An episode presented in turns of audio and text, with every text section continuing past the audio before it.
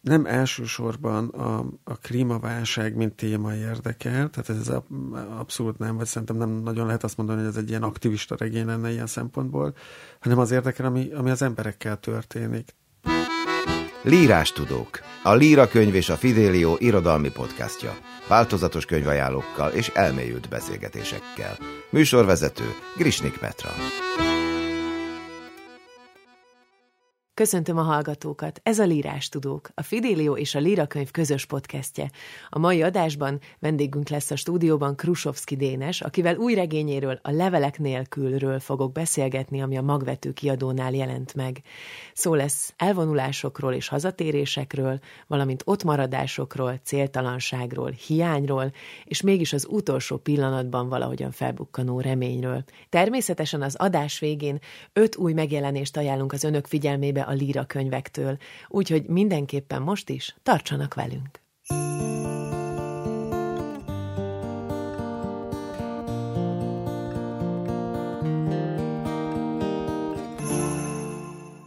A Lírás Tudók mai vendége itt a stúdióban Krusovski Dénes. Üdvözöllek, Dénes, köszönjük, hogy eljöttél. Hát én köszönöm a meghívást abból az apropóból ülsz most itt, hogy hamarosan megjelenik az új regényed Levelek nélkül címmel a Magvető kiadónál, de még mielőtt erre rákérdeznék, vagy erről beszélgetnénk, egy picit visszaugranék az időbe és tényleg nem is olyan nagy volt, mert 2019-ben jelent meg az előző regényed, az Akik már nem leszünk sosem, hm. ami, hát, hogy ezzel a kicsit prózai fordulata érjek, elég nagyot szólt. Szóval neked azért korábban is szakmai berkeken belül meglehetős elismertséged volt, és az egyik legfiatalabb József Attila díjas költő voltál, de ekkor jött ki az első regényed, és ez rögtön olyan közönség sikert aratott, hogy akkor egy nagyon széles olvasó közönség megismerte a nevedet. Lehet az ilyesmire tudatosan készülni? Volt ennek valamiféle előjele, hogy, hogy ez a regény nagyon nagy utat fog találni így sok emberhez? Nem, nem, szerintem ilyen, ilyen előjele nem volt. Ez egyébként 18 könyvhétre jelent meg, de, de aztán tényleg úgy olyan érdekesen alakult a, a a könyvnek, hogy volt róla szó a könyvét körül is, meg, meg ősszel, de valahogy a év végére indult be az érdeklődés iránt, és akkor nem véletlen, hogy te is 19-et mondtál, mert igazából 19-ben történtek a, a legfontosabb dolgok a regény körül. Ehhez nyilván hozzájárult, hogy, hogy akkor még volt két olyan jelentős díj is, ilyen független díjak Magyarországon, ami nek hogyha a listájára fölkerült egy-egy könyv, az, az nagyon megdobta az ismertségét. A, az Egon díj volt az egyik, a másik a Libri díj. Most olyan érdekes helyzet hogy ebből most már egyik, egyik sem, sem létezik. Úgy, De te hogy... abban az évben meg is kaptad a közönségdíjat a Libri. A Libri közönségdíjat, igen. igen. De nem, én nem gondoltam, hogy ilyen nagy érdeklődés lesz iránta. Azt, azt valamennyire sejtettem már, hogy, hogy egy picit jobban a figyelem fókuszában lehet talán, mint egy verses kötet vagy egy novellás kötet. Ugye én korábban verses köteteket és egy novellás kötetet jelentettem meg, illetve ilyen kritika eszé kötetet, de az tényleg ilyen réteg műfajnak számít. Amikor megjelent a novellás kötetem például 2014-ben, akkor azt, azt úgy már lehetett látni annál a kötetnél is, hogy a, hogy a próza azért egy szélesebb közönséget ér el, és a, prózán belül a legszélesebbet nyilván a regény tudja elérni, vagy megszólítani. Azért ugye a novellás kötet tapasztalata alapján azt gondoltam, hogy lesz valami fajta figyelem a regény iránt is, de, de az, ami végül lett, az azért tényleg meglepő volt. És találkoztál a közvetlen visszajelzésekkel az olvasóktól, hogy mi volt az, ami, amihez ennyire sokan tudtak kapcsolódni, vagy ami megragadta őket? Hát igen, ez egy ez nagyon érdekes tapasztalat volt szerzőként, hogy, a, hogy ez a könyv sokkal erőteljesebben gerjesztette az ilyen, ilyen, ilyen primér olvasói visszajelzéseket. Ugye verses kötetekre is mindig szokott ilyen érkezni, de, de néha az a benyomása az embernek, hogy a verses kötetnek egy ilyen szűk, és egy picit inkább ilyen szakmai közeg az, ami, ami, ami az elsődleges, nem tudom én, felülete, ahol az olvasókkal találkozik a, regénynél meg azt lehetett látni, hogy, hogy ebből, a, ebből a, talán ebből a szakmai közegből egy kicsit ki tudott lépni, és olyan, olyan közegekbe került el, és olyan olvasókhoz, akik, akik nem a szakma oldaláról közelítik meg az irodalmat, hanem a, az élményolvasás felől, mondjuk. Nagyon érdekes volt, hogy a regényel elég sok olvasókörbe elhívtak, ami például egy ilyen számomra addig ismeretlen terep volt. Ez a klasszikus könyvklub, ahogy elképzeljük, Aha, hogy összejárnak igen. emberek, és közös olvasmányélményeiket tárgyalják? Igen, és ez valahogy szerintem akkoriban kezdett egy felkapott formává válni, hogy voltak ennek ilyen formális ö, típusai, mondjuk amikor, nem tudom, a könyvesblog, vagy a könyves magazin szervezett olvasókört, vagy más ö, irodalomhoz közeli, nem tudom, ilyen, ilyen csoportok, vagy lapok, ilyesmi, meg, van, meg volt egy ilyen nagyon primér változata is, amikor ilyen baráti társaságok, és akkor nagyon sok meghívást kaptam, olyan helyekről, nem tudom, orvosok, orvos, olvasó köre, és akkor így elmentem egy ilyen vacsorával egybekötött ilyen magánrendezvény volt ez tulajdonképpen, és akkor csupa orvos volt ott, akik, akiket így nagyon érdekelt, főleg a regénynek a középső része, ahol a gyermekbénulás járványról van szó, és aztán voltam, nem tudom, könyvtárak olvasókörében, meg vidéken ilyen rendezvényeken, szóval ez egy ilyen, ilyen nagyon érdekes dolog volt. És hát persze olvasói leveleket is kaptam, vagy kapok még most is ezzel a könyvvel kapcsolatban, szóval úgy tűnt, hogy, hogy nagyon sok ember érzi megszólítva magát, és, és nem csak a szakmá, az úgynevezett szakmából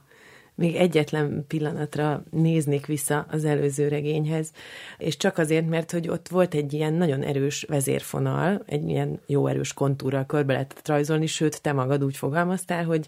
ott arról szerettél volna beszélni, hogy hogyan őrzi meg a múltat személyes, a közösség és a felülről irányított emlékezés, hogy a társadalmi, a család és a magánemlékezet viszonyai érdekeltek. És ez olyan jó, kompakt, ennek mentén lehet gondolkodni egy könyvről. És akkor én a levelek nélkülnél is gondoltam, hogy majd akkor én szerzek magamnak valamilyen vezérfonat, és annak mentén elindulok. És azt tapasztaltam, hogy így haladtam előre a könyvben, hogy olyan, mint egy kicsit játszana velem ez a könyv, hogy mindig történik valami, vagy, vagy jön egy olyan cselekményszál, vagy szereplő, vagy fordulat, amitől én azt gondolom, hogy aha, most értünk el, akkor végül is ahhoz, ami eddig elő volt készítve, de itt inkább ilyen párhuzamos szálak futnak, ebben az esetben, a levelek nélkülnél te meg tudnád fogalmazni, hogy volt-e valami központi gondolatod? Mert tulajdonképpen én egyetlen szóhoz jutottam el, ami, ami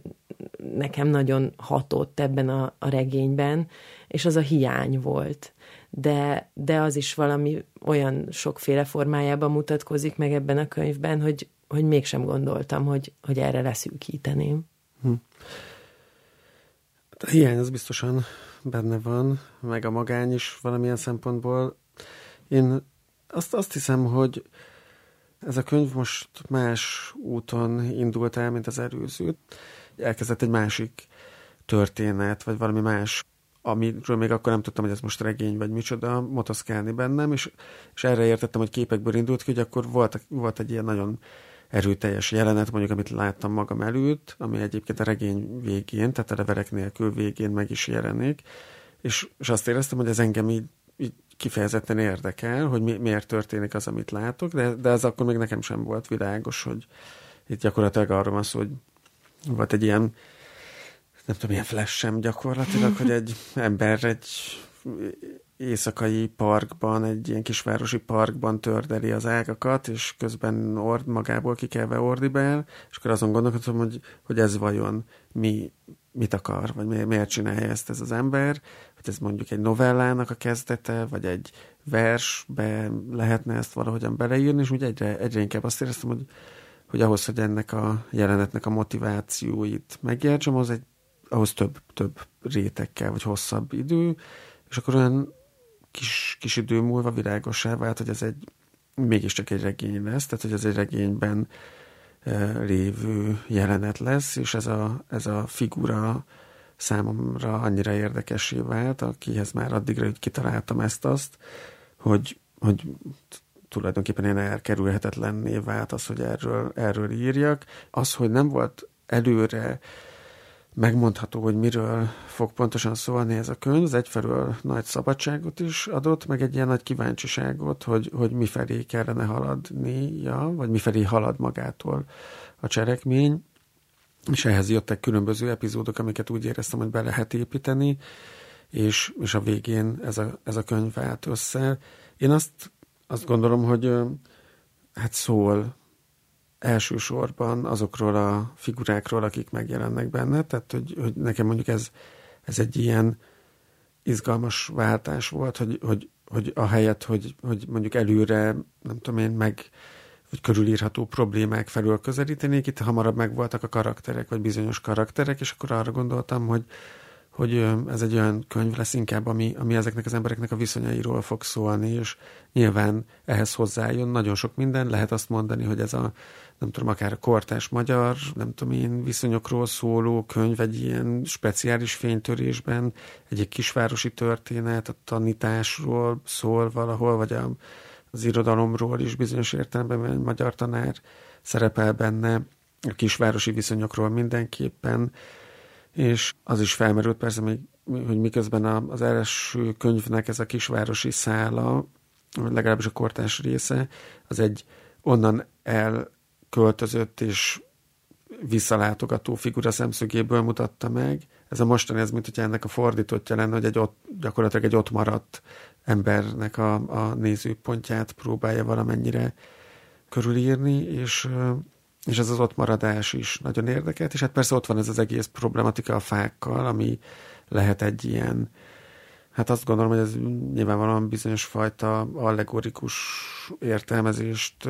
indít be, mert nem teljesen világos, hogy mi történik, vagy mi történt ezekkel a fákkal, de ez a metafora az, viszont nagyon sok minden más felé kibontható, tehát hogy így akár a klímaválság, vagy annak a, nem tudom én, tudata, akár a járvány helyzet ráolvasható, és hogy, de, de hogy mégsem, egyik sem teljesen, tehát hogy ez egy, hogy arra törekedtem, hogy ez a regénynek a, a saját közegében legyen érvényes, de miközben mi majd olvassa valaki, a közben úgy tudjon asszociálni róla, hogy,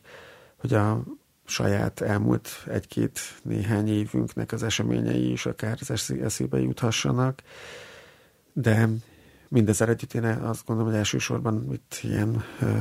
emberi viszonyokon van a hangsúly. Bizonyos értelemben ilyen egzisztencialista nézőpontból épül fel ez a könyv. Nekem is persze eszembe jutott a, a pandémia, mint párhuzam erről az egész járványszerű, ilyen váratlan fordulatról. Most nem tudom, talán ennyit el szabad árulni a könyvről, hogy a város fáirnak váratlanul eltűnnek a levelei, tehát egyetlen fán sem marad, egyetlen levél sem. És a, az erre adott reakcióik az embereknek azok, hát annak megfelelően, ahogy azt láttuk is az elmúlt néhány évben, egészen szélsőségesek és eltérőek. Ugyanakkor azért nekem az is megfordult a fejemben, ez az egész, amit te is mondasz a klímaválságról, meg az éghajlati változásokról, hogy mi az a generáció vagyunk, akik tanulták a klímaszorongást, tehát mi még nem abban nőttünk fel, mint mondjuk a, a mostani tizen, sőt annál kevesebb évesek, hogy ez, hogy ez egy valóságos dolog és jelen idejű. És azon gondolkodtam, hogy neked egyébként ez, ez így a mindennapjaidban, ez egy, ez egy témád, vagy téged ez érint, ez a klímaszorongás? Szerintem érint mindenkit. Olyan szempontból nem érint, hogy én mondjuk úgy, hogy nem szenvedek tőle, vagy nem tudom, hogy lehet ezt uh, jól megfogalmazni. Tehát így, így nem, nem, azt hiszem, hogy ez nem elsősorban az én problémám, hanem inkább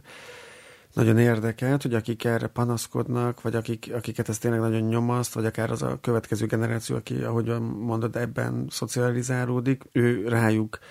vagy az ő pszichéjükre milyen hatással van tehát bizonyos értelemben kívülállóként nézem, ez nem azt jelenti, hogy engem nem azt aggasztanának bizonyos jelenségek, amik történnek, csak hogy, hogy nem, nem egy ilyen zsigeri szorongással szemlélem ezt, meg van más felül, meg hogyha irodalmi témaként közelítem meg, akkor nyilván egyből kívülállóvá válok, tehát akkor megpróbálom minél, minél eltávolítottabban ö, megfigyelni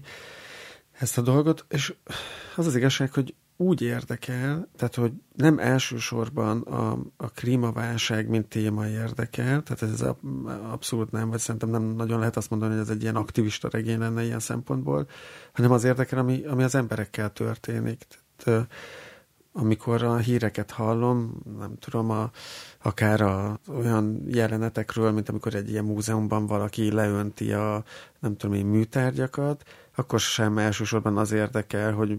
most ott a műtárgya mi lesz, vagy hogy ők elérik -e ezzel a céljukat, hanem, hanem egyből arra lennék kíváncsi, hogy hogyan jutnak el idáig, vagy hogy mi, mi, mi van a fejükben.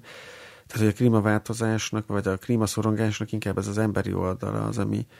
érdekel, és az is, ami egyfelől ami az egyénekre vonatkozik ebből, másrészt meg ami társadalmi szinten kezd körvonalazódni ezzel a problémakörrel kapcsolatban. Nagyon érdekesek, amikor olyan véleményekkel találkozom, mondjuk fiatalabb generáció ö, részéről, hogy nem tudom, nem akarnak már gyereket vállalni, mert minek, tudod, hogy úgyis izé megy tönkre a világ, akkor miért vállaljanak még egy gyereket, amit én tőlem nagyon idegen gondolat, viszont nagyon érdekel, hogy valaki hogyan jut el oda, hogy, hogy mondjuk azért egy olyan körülmények között, amikor ez nem lenne szükségszerű, hogy ne gyereket, mégis csak arra jut, és ahhoz azt a magyarázatot találja meg, hogy, er, hogy a klímaváltozás miatt például. Szóval ez, ezek viszont nagyon érdekelnek, ezek a helyzetek. Én is úgy próbáltam ezt az egész fa ügyet megközelíteni, hogy valamiképpen próbáltam az emberekkel összekapcsolni ezt a jelenséget, és nem is csak a megéléseiken keresztül, hanem hogy tulajdonképpen hogyan a főszereplő Koroknai János, a magyar tanár, és a főszereplő Fa, akinek nincs levele, hogy ők hol találkoznak, mm. és nekem lett erre egy megfejtésem, aztán legfeljebb cáfolj meg, ha én ezt nagyon, de mint olvasó fenntartom magamnak a jogot, hogy ezt végül is én beleolvastam, mert van egy nagyon szép jelenet, amikor először találkozunk azzal az élethelyzettel, amiben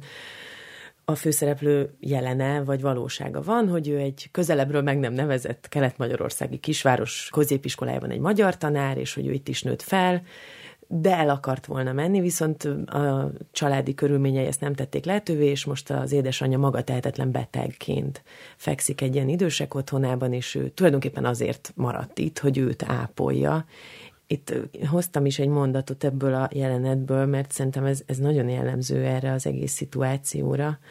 hogy az a gondolat ragadott meg engem tulajdonképpen, hogy ahogy ő meglátja az anyját az ágyban feküdni, akkor arra gondol, hogy ha ő most nem lenne ott ebben a szobában, aki tudja, hogy ez egy élő ember, akinek története és saját sorsa van, nem csak egy lakó itt a sok közül, akkor senki sem maradna, hogy az odabent elterülő, hanyatló, de a felismerhetetlenségében is egyedi élet tanúságát őrizze. És akkor én arra jutottam, hogy ez az ember magára vett egy ilyen életfeladatot, hogy tulajdonképpen egy félig meddig már nem is élő valakiért áldozatot hozzon, hogy, hogy meg, megtartsa azt, amit ő jelent, vagy, vagy ami az ő, az ő személye, vagy személyisége, ami, ami nyomot tud hagyni. És nekem ez egy olyan párhuzam volt, mint amit amilyen lelkesedéssel bizonyos emberek hozzá láncolják magukat fákhoz, hogy ne bántsátok, védjük meg, ne vágjátok ki, de hát ez csak egy faj, és különben is szemmel láthatóan már nincs, nem látja el a funkcióját, ledobálta a leveleit, mm. pusztuljon el, és, és valahogy, valahogy én az ő sorsukat így láttam összekapcsolódni. Hú, ez, igen, ez nagyon szép, nekem nagyon-nagyon tetszik, úgyhogy egyáltalán nem fogom megcáfolni. Egyébként te, amikor főállásban éppen a Magyar Narancs egyik állandó szerzőjeként politikai és kulturális cikkeket írsz, akkor azért közéleti és közérzeti témákból kijut neked bőven, akkor ezek szerint íróként ebből profitálsz, vagy szoktál ebből ihletet meríteni, hogy van, ami különösen megérint, és akkor ez átkerül a szép írói témáit közé is? Szerintem mindenképpen, tehát így Nekem a, ez, hogy, a, hogy kicsit belelátok abba, hogy, hogy hogyan működik mondjuk az újságírás, és, és hogyan működik ez a közös nyilvános tér, ami, ami, amit mondjuk ilyen, amit, amit a sajtó vagy a média hoz létre, az annak a megtapasztalásához kell. Tehát, hogy mondjuk az újságírói munka az nagyon sok különböző módon tud működni, de, de egészen biztos, hogy elefántcsontoronyból azt nem lehet csinálni. Tehát ilyen szempontból mindig le, le, van benne egy ilyen leszállás valahogyan a, a föld közelibb szférákba, és ez, ez nekem mindig egyfelől üdítő is, másfelől mindig az derül, hogy ezek nagyon érdekes szférák, ha már ezt a szót használtam az előbb. de azok a, azok a hétköznapi történetek, amikkel újságíróként találkozom, azok biztosan benne vannak ebben is. És hát gondolom ez, ez viszonylag feltűnő, tehát az előző ö, regénynek, az Akik már nem leszünk sosemnek, a főszereplője ugye egy ilyen online újságírást végül is abba hagyó figura, és ott is megjelenik ez a közeg, ott az a reflex.hu-nál dolgozik, és hogy annak a, az újságnak a beszántása, meg stb. stb. Tehát, hogy ott is erős ez az újságíró szál, itt meg, ugye, itt is van egy újságíró figura, aminek egyébként volt ilyen előképe, vagy életbeli képe is, akár hogyha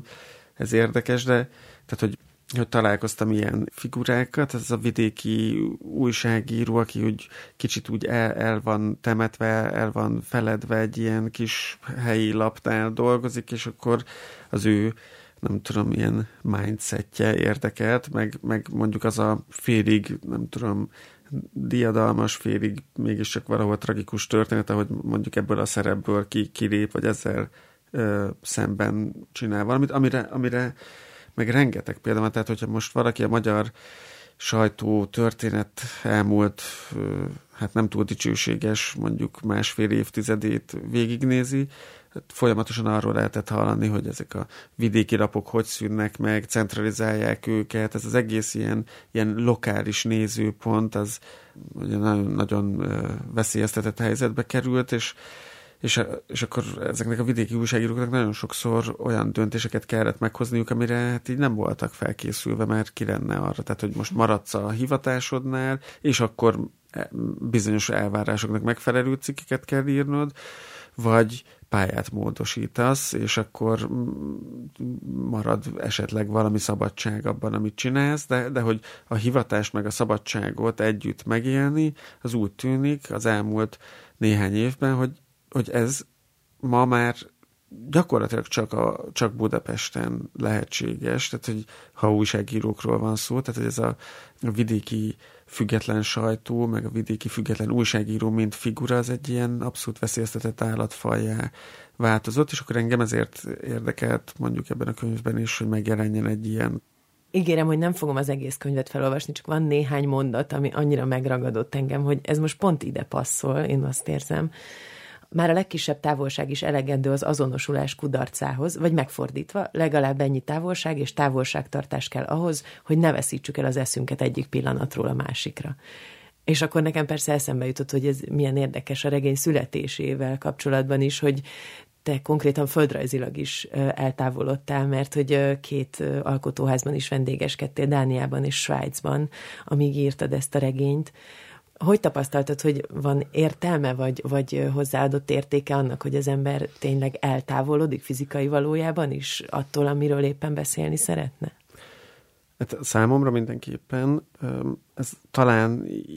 vannak különböző írói alkatok, és van az, aki nagyon közel szeret menni a tárgyához, és hát bizonyos értelemben közel kell menni valamikor, csak mondjuk ez a kérdés, hogy ez, ez az írással egy időben történik-e, vagy hogy az írás maga egy ilyen közel kerülés, tehát, hogy azért, nem tudom, vannak erre is nagy példák, mint amikor egy író elkezd úgy élni, ahogyan a szereplői, vagy amikor ír valamilyen témáról, akkor teljesen arra, arra fókuszál, és, és akkor minél közelebb kell mennie. Egy kicsit ez a szociografikus nézőponthoz általán közelebb. Most nem tudom, éppen mostanában sok szó van a Tarsándorról, és akkor ugye nála mindig az szokott felmerülni, hogy hát ő valóban, ő, ő, ő látta azt, amiről ír, hogy ő lement oda a legmélyére a magyar társadalomnak, és aztán hát valamilyen módon ott is, ott is maradt e, tragikus módon. E, én ehhez képest azt e, gondolom, hogy, hogy az én írásom az, az kevésbé szociografikus ilyen értelemben. Az kell hozzá, hogy a, a, a helyet ismerjem, vagy a közeget ismerjem, amiről írni akarok, tehát hogy valami fajta kutatómunka, vagy ilyen terepmunka, vagy nem tudom én, minek lehet ezt hívni, ezek, ezek nyilván szükségesek, de maga az írás folyamat az már egy ilyen eltávolított, meg eltávolító dolog, tehát a, az írás maga is eltávolít a, a valóságtól, mert ott már ugye arról van szó, hogy nem arról, hogy amit addig felgyűjtöttünk, úgymond, azt így egyszerűen átfordítsuk leírt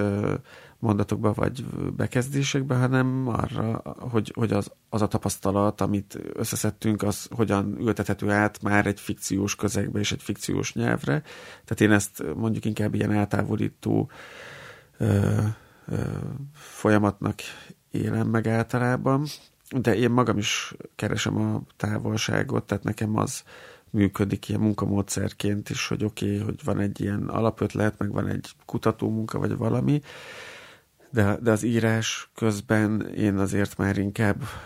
befelé figyelnék, és nem ezekre a külső dolgokra, és mondjuk ezek a, az alkotóházak, amiket említettél, ezek, ezek nekem mindig nagyon nagy segítséget jelentettek. Ráadásul ezek az alkotóházak olyan helyek, ahová családot sem lehet vinni, szóval így tényleg az van, hogy akkor ott nem marad más, csak így a, az ember, aki írja a szöveget, meg a szöveg, amit írni próbál, és akkor az egy ilyen nagyon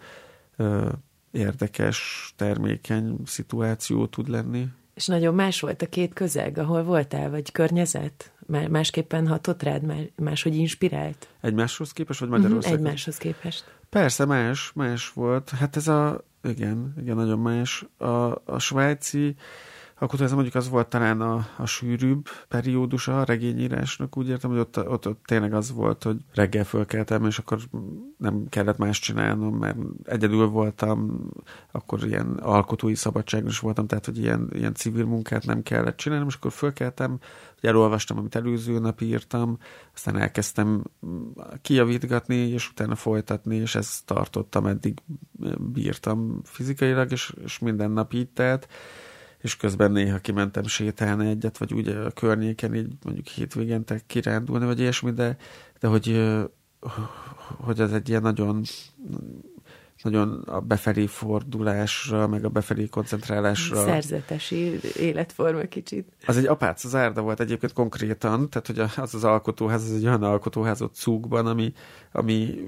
valaha az egész épület, egy ilyen nagyon gyönyörű, ilyen szerintem 18. századi épület, ami régen az egész egy apácazárda volt, és most meg már csak a, az épület egyik szárnyában lakik néhány idős apáca, ez most már átalakult kicsit ilyen apáca idős otthonná az a szárny, és a másik szárnyban működik az alkotóház, ahol egyszerre öt külföldi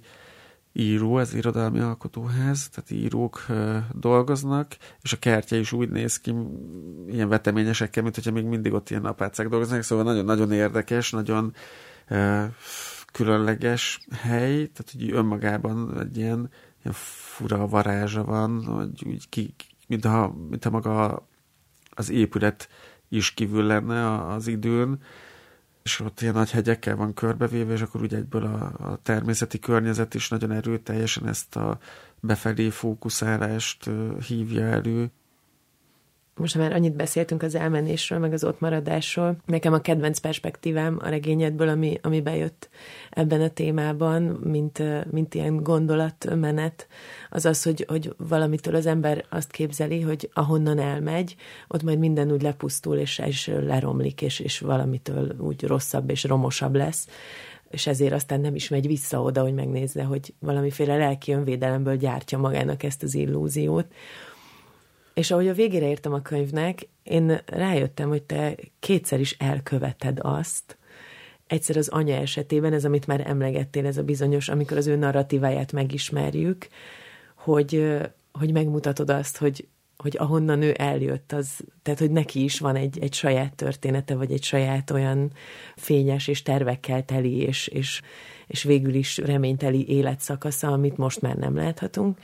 és a legvégén is úgy hagyod el ezt a kisvárost, te, mint mondjuk a szerzőtet, úgy hagyod abba a könyvet, hogy, hogy ott hagysz egy, egy kicsi sugárnyi reményt, aztán ezzel mindenki azt kezd, amit akar, tehát az már nem derül ki, hogy ennek mi lesz a vége.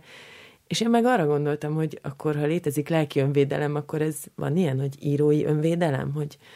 hogy úgy engeded el az alakokat, akikkel együtt éltél végül is elég sokáig, hogy, hogy adsz nekik egy esélyt, hogy jobb legyen az életük? Azt láttam, vagy tapasztaltam folyamatosan, meg a magyar irodalomnak van egy ilyen nagyon erős hagyománya is, hogy, hogy azért nagyon kegyetlen sötét történetekben gondolkodunk, és néha már, ugye van ez a nyomorpornó kifejezés, amit a szép irodalomra is szoktunk használni olykor, de hogy tényleg, hogy akkor a legalja, a legrettenetesebb, akkor mindenki abuzál, mindenki iszik. Legyen mindenki... minél nyomasztóbb a igen, légkör, igen, és... Áll, megálltunk a 80-as évek szűk Igen, tereiben. sőt, még bizonyos értelemben még rosszabb is, mert közben meg az emberi viszonyok is még lazultak, meg az internet, és akkor már nem is beszélgettünk, meg mit tudom én, de hogy én, hogy azért ennyire nem látom uh, sötétnek a, a viszonyokat, meg, meg ilyen kilátástalannak sem, és, és azt szerettem volna elkerülni, hogy ha bár nyilván sok, sok ilyen negatív,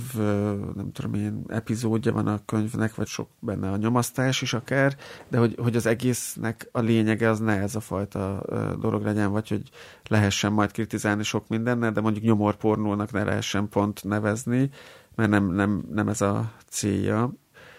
És úgy gondoltam, hogy, hogy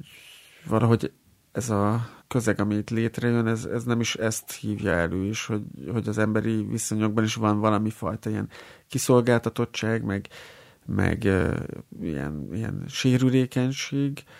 de hogy, vég, de, de hogy mégiscsak vannak viszonyok, tehát hogy uh, itt van viszony a rendőrfőnök és a tanár között is, meg van viszony az állatorvos és a tanár között főleg, és hogy a végén, amikor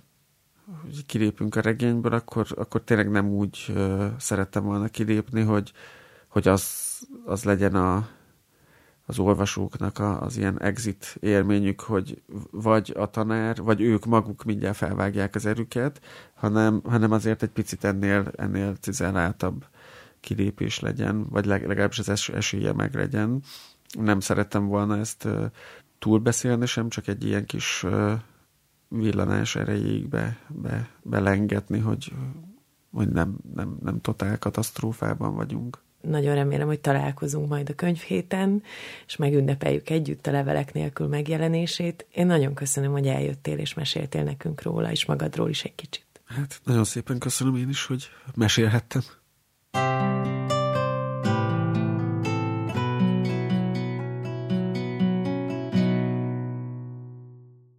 Szeretettel köszöntöm én is a hallgatókat, Csabai Máté vagyok a műsor szerkesztője.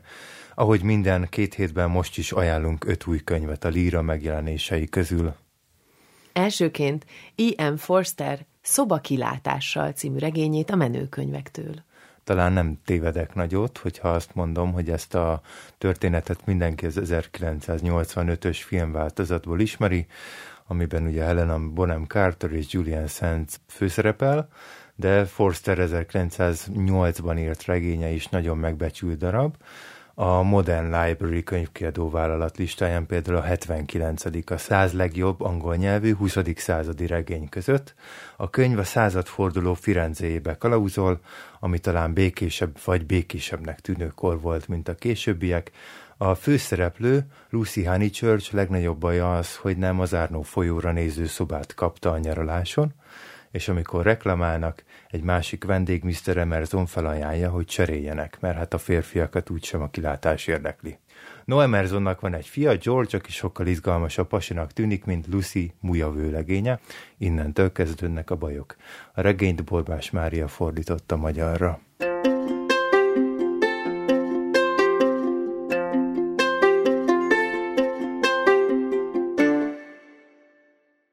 Következő ajánlatunk Vincenzo Latronico, a Tökéletesség című regénye a magvető kiadótól.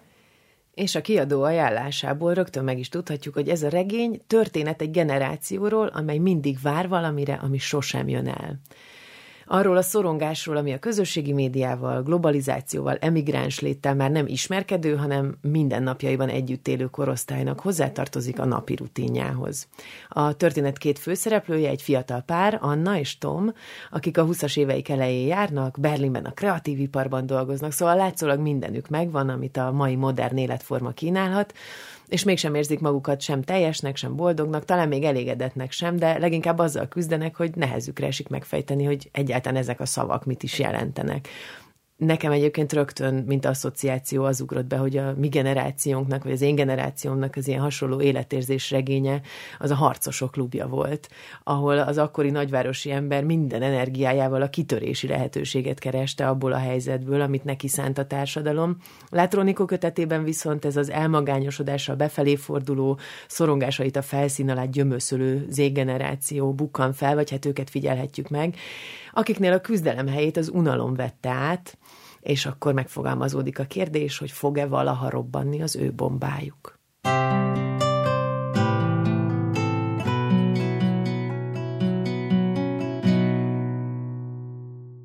A mai adásban a harmadik ajánlatunk az önök számára Steigerwald Krisztián Generációk harca a figyelemért, a partvonal kiadótól. Biztos mindenki hallott már átkozódó nagymamát vagy nagypapát, aki a telefonnyomkodó unokákra panaszkodik, de a fiatalok meg a boomerekre panaszkodnak, akik hülye linkeket osztanak meg a Facebookon, mert nem tudják, mi valódi és mi biztonságos az interneten. Steiger volt Krisztián könyve arról szól, hogy miként változnak meg gyökeresen a generációk, elsősorban tényleg a technológia hatására, és mi köt össze minket mégis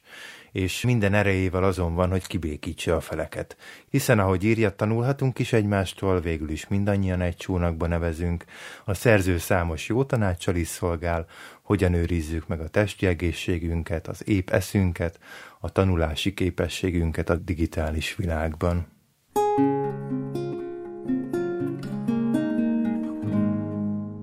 Következő könyvünk Quentin Grayban Szeretlek apa 30 őszinte vallomás című kötete a Manó könyvektől.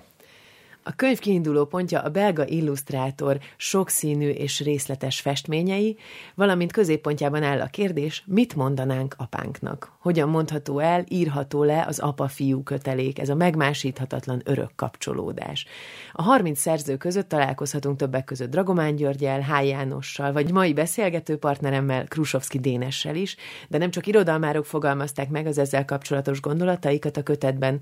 hanem helyet kapott Begzoli, aki zenész és a 30Y zenekar frontembere, valamint Gálvölgyi János színművész, és Pál Marci aktivista egy-egy szövege is, és a 29 férfi szerző mellett egyedüli nőként Szabó T. Anna novelláját is olvashatjuk. A kötetben szereplő írások honoráriumát a szerzők felajánlották a Kórház Suli Alapítványnak, tehát a kötet megvásárlásával jótékony célt is támogathatunk. Ajánljuk ezt a gyönyörű könyvet apáknak, apafiguráknak, leendő apáknak, vagy akár apás lányoknak is tulajdonképpen ajándékba is adhatjuk valakinek, akinek szívesen elmondanánk, szeretlek, apa.